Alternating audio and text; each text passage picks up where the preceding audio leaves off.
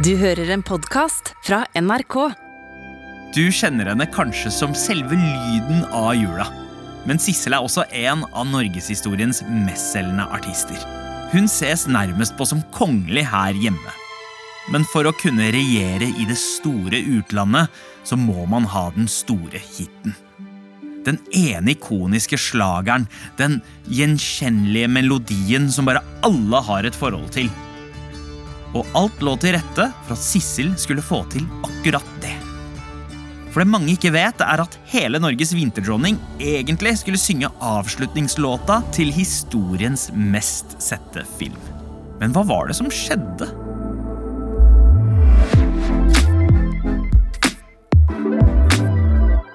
Velkommen til Musikkrommet. Jeg heter Sandeep Singh.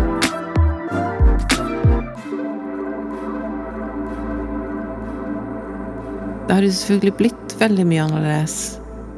Men jeg er ikke lei meg for at det ikke skjedde. Altså, det er jeg ikke. Pluss at da hadde jo sannsynligvis livet mitt blitt totalt snudd på hodet. Sissel hadde muligheten til å bli en enorm internasjonal stjerne. Men i Norge så har hun jo vært legendarisk helt siden starten. Amund Grepperud er produsent her i Musikkrommet og har fått hver jul lydlagt av Sissel helt siden barndommen.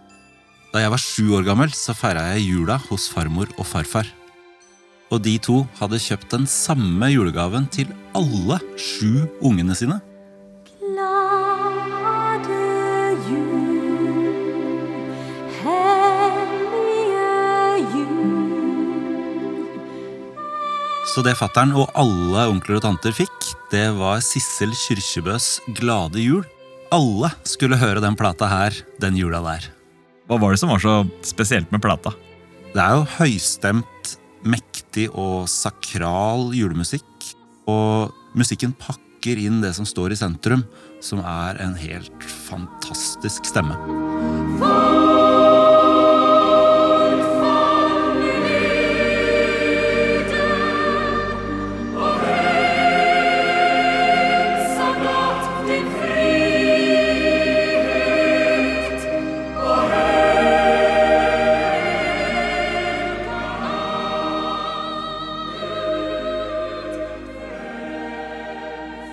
Det var akkurat som en engel åpna munnen og bare bredte julestemning ut over hele Norge i julene som fulgte etter 1987.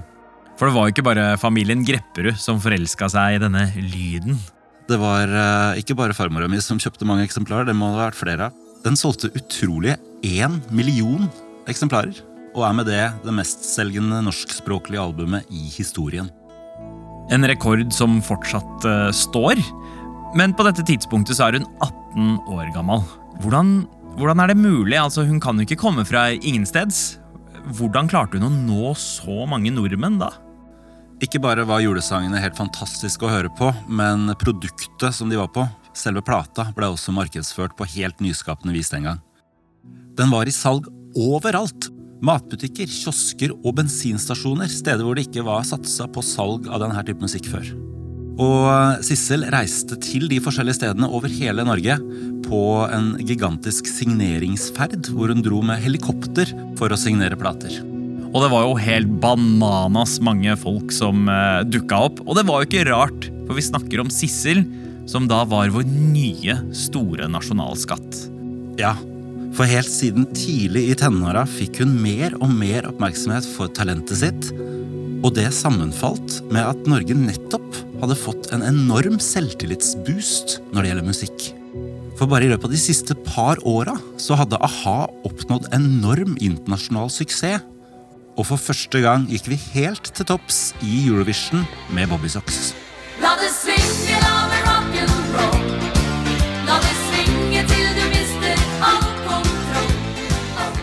da Bobby Socks vant, så hørte det jo med at uh, Norge skulle arrangere neste års Eurovision. For første gang holdes en internasjonal Eurovision-finale på norsk jord. Og det skjer i Grieghallen i Bergen. Og i pausen der så tar man med alle TV-seerne i Europa ut av Grieghallen og opp i fjellene som kretser rundt Bergen, og der står Sissel og synger Bergensiana. Styr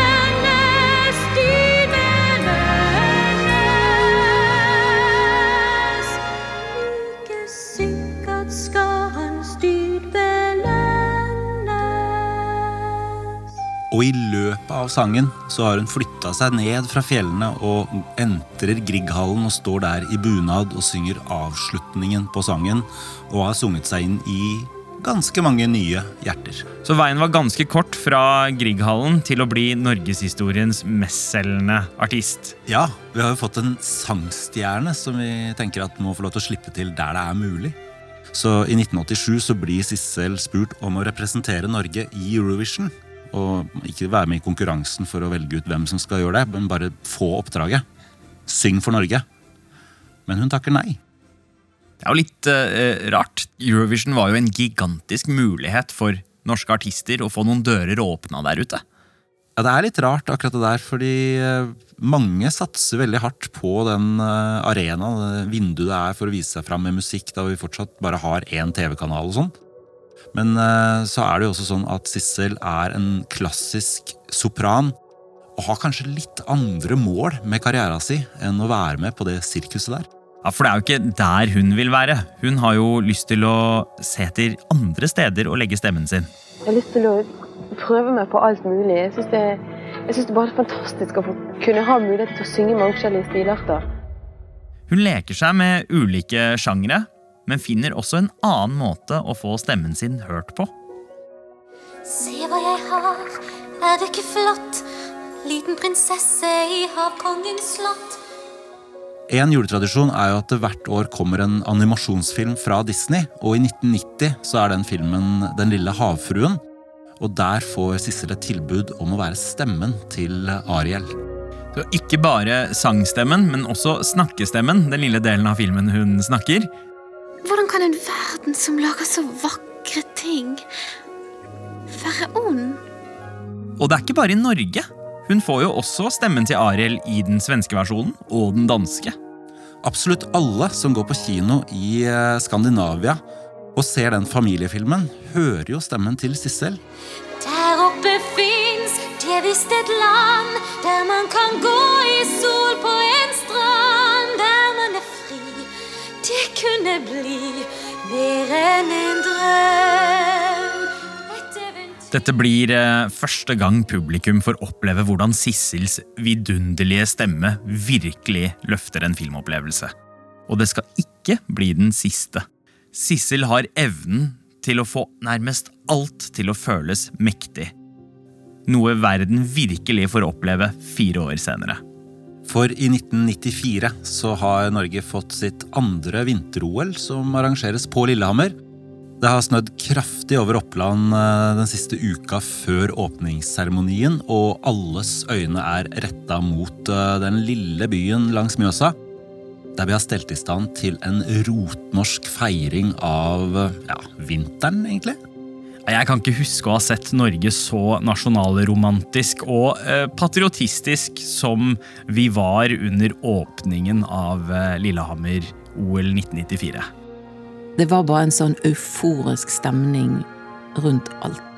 I åpningsseremonien og avslutningsseremonien så feira man jo på en måte norsk historie med folkemusikk og med innslag fra folkeeventyrene. Med de fargerike vettene som hadde på seg veldig rare Teletubbies-aktige drakter i de olympiske ringers farger. Og midt blant dem står en bunadskledd Sissel og synger den olympiske hymnen. Altså, det var, det var en utrolig mektig følelse å stå der og synge.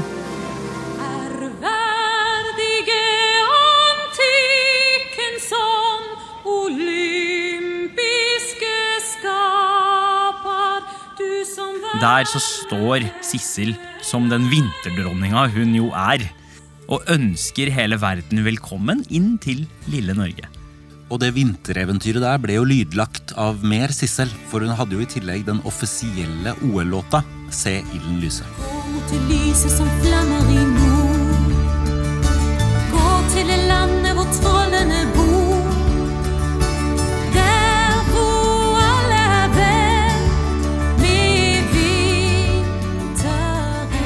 Det er stemmen hennes som åpner Lillehammer 94. Hun har den offisielle låta, og hun synger også på avslutninga. Så sånn sett så rammer hun jo inn hele de olympiske leker i 1994. Og dette her er det utrolig mange mennesker over hele kloden som sitter og ser på, så hun får jo et gigantisk vindu mot verden. Ja, Det er jo en stor ære å synge på åpningsseremonien eh, i OL, men det er ingen gratisbillett til en internasjonal karriere. Likevel så er det jo et utstillingsvindu som kan bli et springbrett om man bruker det riktig. Og Sissel griper den muligheten umiddelbart. Supertenoren Placido Domingo på plass her på Lillehammer i Kulturhuset Banken. For allerede på Lillehammer så er hun i eh, et provisorisk studio midt i sentrum, der superstjernetenoren Placido Domingo plutselig befinner seg. I hear Cecil uh, in the recording. They told me, "Do you like to sing with her?" I said, "Well, let's see. Let me hear the song." And I find the song was very beautiful.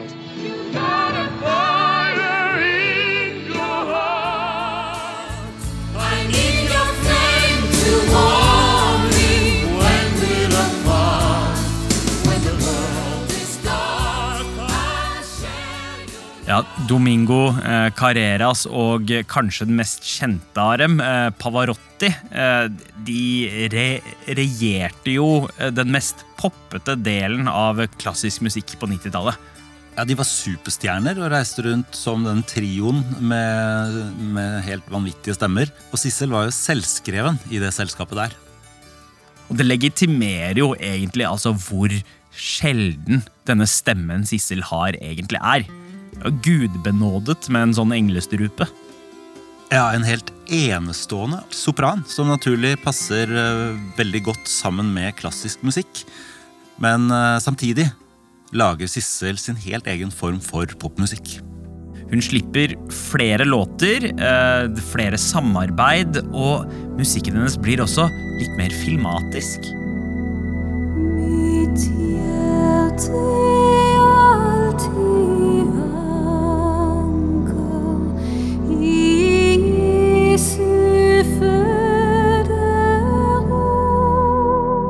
Sissel gjør jo inntrykk. Noen viktigere enn andre. Eh, Det er annet en amerikansk filmkomponist som får opp ørene for Sissel. Men kanskje det underligste som skjer, er at hun blir dratt inn i prosjektet The Rhapsody. Ja, et, eh, et slags møte mellom to vidt forskjellige verdener. Litt sånn som Sissel jo opererer i, med klassisk musikk og popmusikk. Altså, jeg syns jo det er veldig kult, da. Jeg har alltid likt det der med å blande musikalske verdener. Men her var det klassisk og hiphop. Med en plate som het The Overture, så blandet Rhapsody altså rap og eh, klassisk musikk. Og den ene var stebroren til Dr. Dre, LA-rapperen Warren G, som fikk med seg Sissel på hooket til låta Prince Igor. Altså, melodien som jeg skulle synge, det var jo, det var jo perfekt for meg. Jeg skal jo ikke rappe, jeg skal jo bare være meg. Eh, Så jeg sa å, det der vil jeg, jeg bare digger dette, dette vil jeg gjerne. Og så sa han det, ja, men det er bare én hakke med det. Du må spille den i morgen. Uh, ok, Uh, men ikke dette russisk? Jo, det er russisk. Prince Igor er jo en blanding av klassisk G-funk hiphop og russisk opera. Og det var ikke gitt at Sissel skulle naile det på første forsøk. Så satt jeg jo da i taxien på vei til studio, og så ser vi det står på taxisjåføren Der står det, Han har et sånt skilt som står oppe, og der han heter Igor. Og så spør vi Are you Russian? Yes, yes, I'm Russian. Uh, could you please be my Do you have time for a few hours? Can you come to the studio and be my coach in Russian? Så hele den sangen, da, russiske sporet der, det er av en Det er lærte jeg russisk av en russisk taxisjåfør i New York. Han het Igor.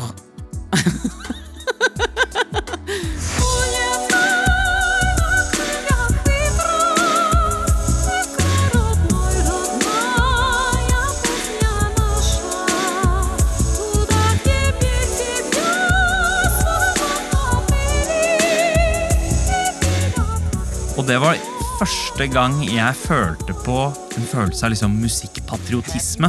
Det var å se Sissel sammen med Warren G på MTV. Og, og låta ble jo gigantisk. I Europa, i hvert fall. Eh, det var ikke så mange i Amerika som fikk med seg den. Men det holder med én, for den amerikanske filmkomponisten James Horner har allerede oppdaga Sissel. Han har fulgt med på henne en god stund og har fått stjerner i øynene.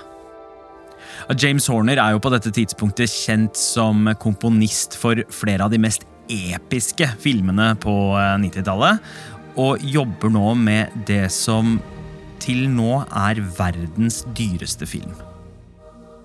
James Horner, han er utrolig fin fyr. Begavet, eh, raus. Å få hans tillit, vil jeg si, til at jeg skulle få lov til å synge hans musikk. Det er noe av det største jeg har opplevd. James Horner inviterer Sissel over for at de skal jobbe sammen for å lage musikken til da den mest episke filmen noensinne. Og da må jo musikken være storslagen, så det er utrolig mange forskjellige temaer som tar både de rolige partiene, men også de dramatiske og store øyeblikkene. Hun brukes jo nærmest som et instrument, som en del av orkesteret, men ligger alltid litt sånn i framsetet. Hun driver jo filmen framover, og stemmen hennes lydlegger hele kjærlighetshistorien mellom Rose og Jack i Titanic. Fordi jeg skal jo liksom være Roses emotions. Jeg skal være hennes følelser, eller beskrive uten ord, da. Men for meg, når jeg sto der og sang, så så jeg liksom deler av den filmen som jeg skulle synge på. Så, og da noen ganger så syns jeg bare det var for sterkt. Og så måtte jeg bare si Can we just take a little break now?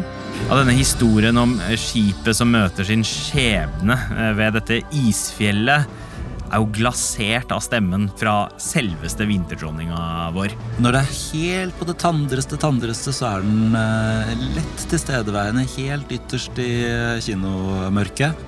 Og når det virkelig buldrer, så er hun der også, selv om orkesteret tar innimellom over når de største bølgene rammer skipet.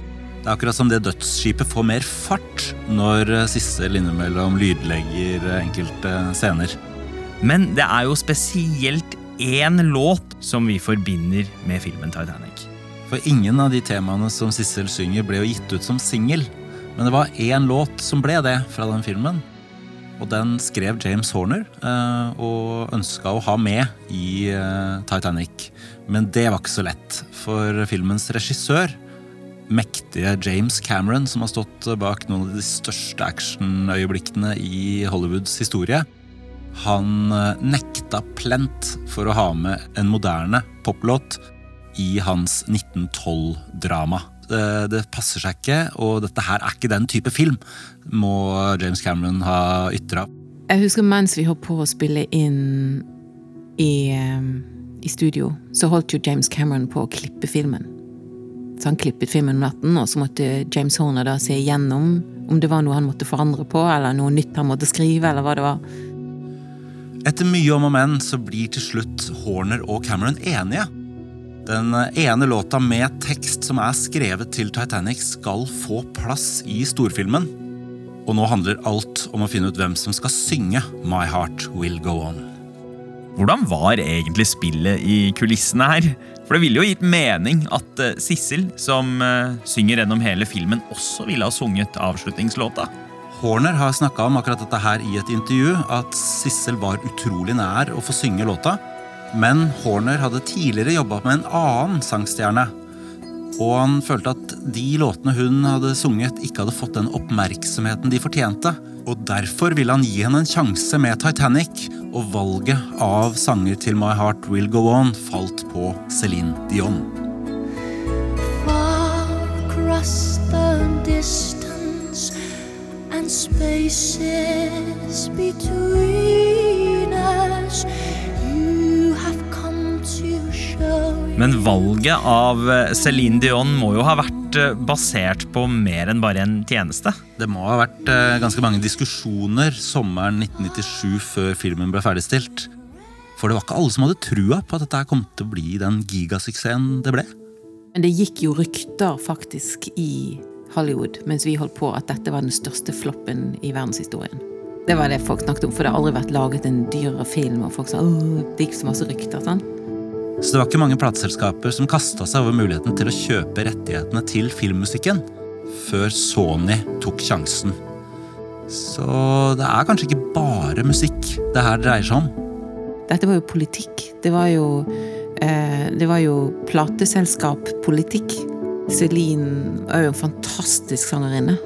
Og, og eh, hvorfor skulle ikke Sony bruke en som allerede var veldig sterkt up and coming, og allerede hadde et navn? Og låta blir jo litt av en hit. Det er den nest mest solgte låta i 1997. Og ender jo opp med å være den nest mest solgte singelen av en kvinne i hele musikkhistorien. Og tenk at denne prestasjonen kunne ha tilhørt Sissel. Folk har liksom sagt ja, men hvorfor synger ikke du Untitled-sangen? Så sier jeg men det er to vidt forskjellige ting. Og det var jo også det jeg sa til James, for James var jo livredd for at jeg skulle plutselig hoppe fra fordi at jeg ikke fikk Untitled-sangen. Det er jo en enorm mulighet som glapp mellom fingrene pga. tilfeldigheter her. Den sjansen glapp. Men så glemmer vi jo at Sissel er fortsatt historisk. For eh, den filmen hun har lydlagt store deler av, er jo ikke en hvilken som helst film. Nei da, det er tidenes mest sette. Og det betyr jo at stemmen til Sissel er hørt av aller flest ører i en kinosal noensinne. Og det er jo ikke sikkert at hun hadde ønsket uh, denne store popkarrieren, fordi musikalsk så var det jo ikke der hjertet hennes lå i utgangspunktet. Nei, det har jo ikke virka som hun har jakta etter de største tindene i popverden. Men hun har ønska å å spre sitt talent utover flere forskjellige uttrykk, og også popmusikken. Så etter Titanic så vender hun tilbake til litt sånn moden, voksen popmusikk. Og gir ut plater på engelsk og fortsetter med det som vi har blitt kjent med Sissel for. Samtidig så sementerer hun sin posisjon som en eh, som en artist vi forbinder julen med. Og vinteren, ikke minst. For uh, OL-låta fra 94, 'Se ilden lyse', den fortsetter jo å leve og virker som den har fått et helt nytt liv i løpet av det siste tiåret, bare. Ja, det har blitt en sånn vorspiel-klassiker.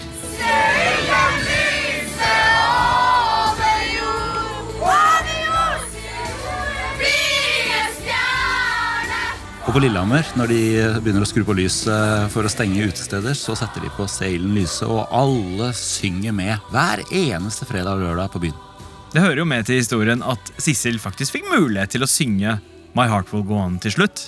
Ja, for i 2012 så ble filmen vist eh, i 3D i Royal Albert Hall i London, og da kunne ikke Céline Dion.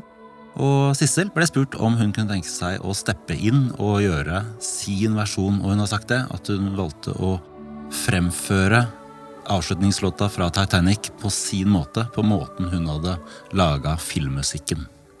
Og det var første gang vi har fått høre hvordan My Heart Will Go On ville ha hørtes ut om det var vår Sissel som hadde sunget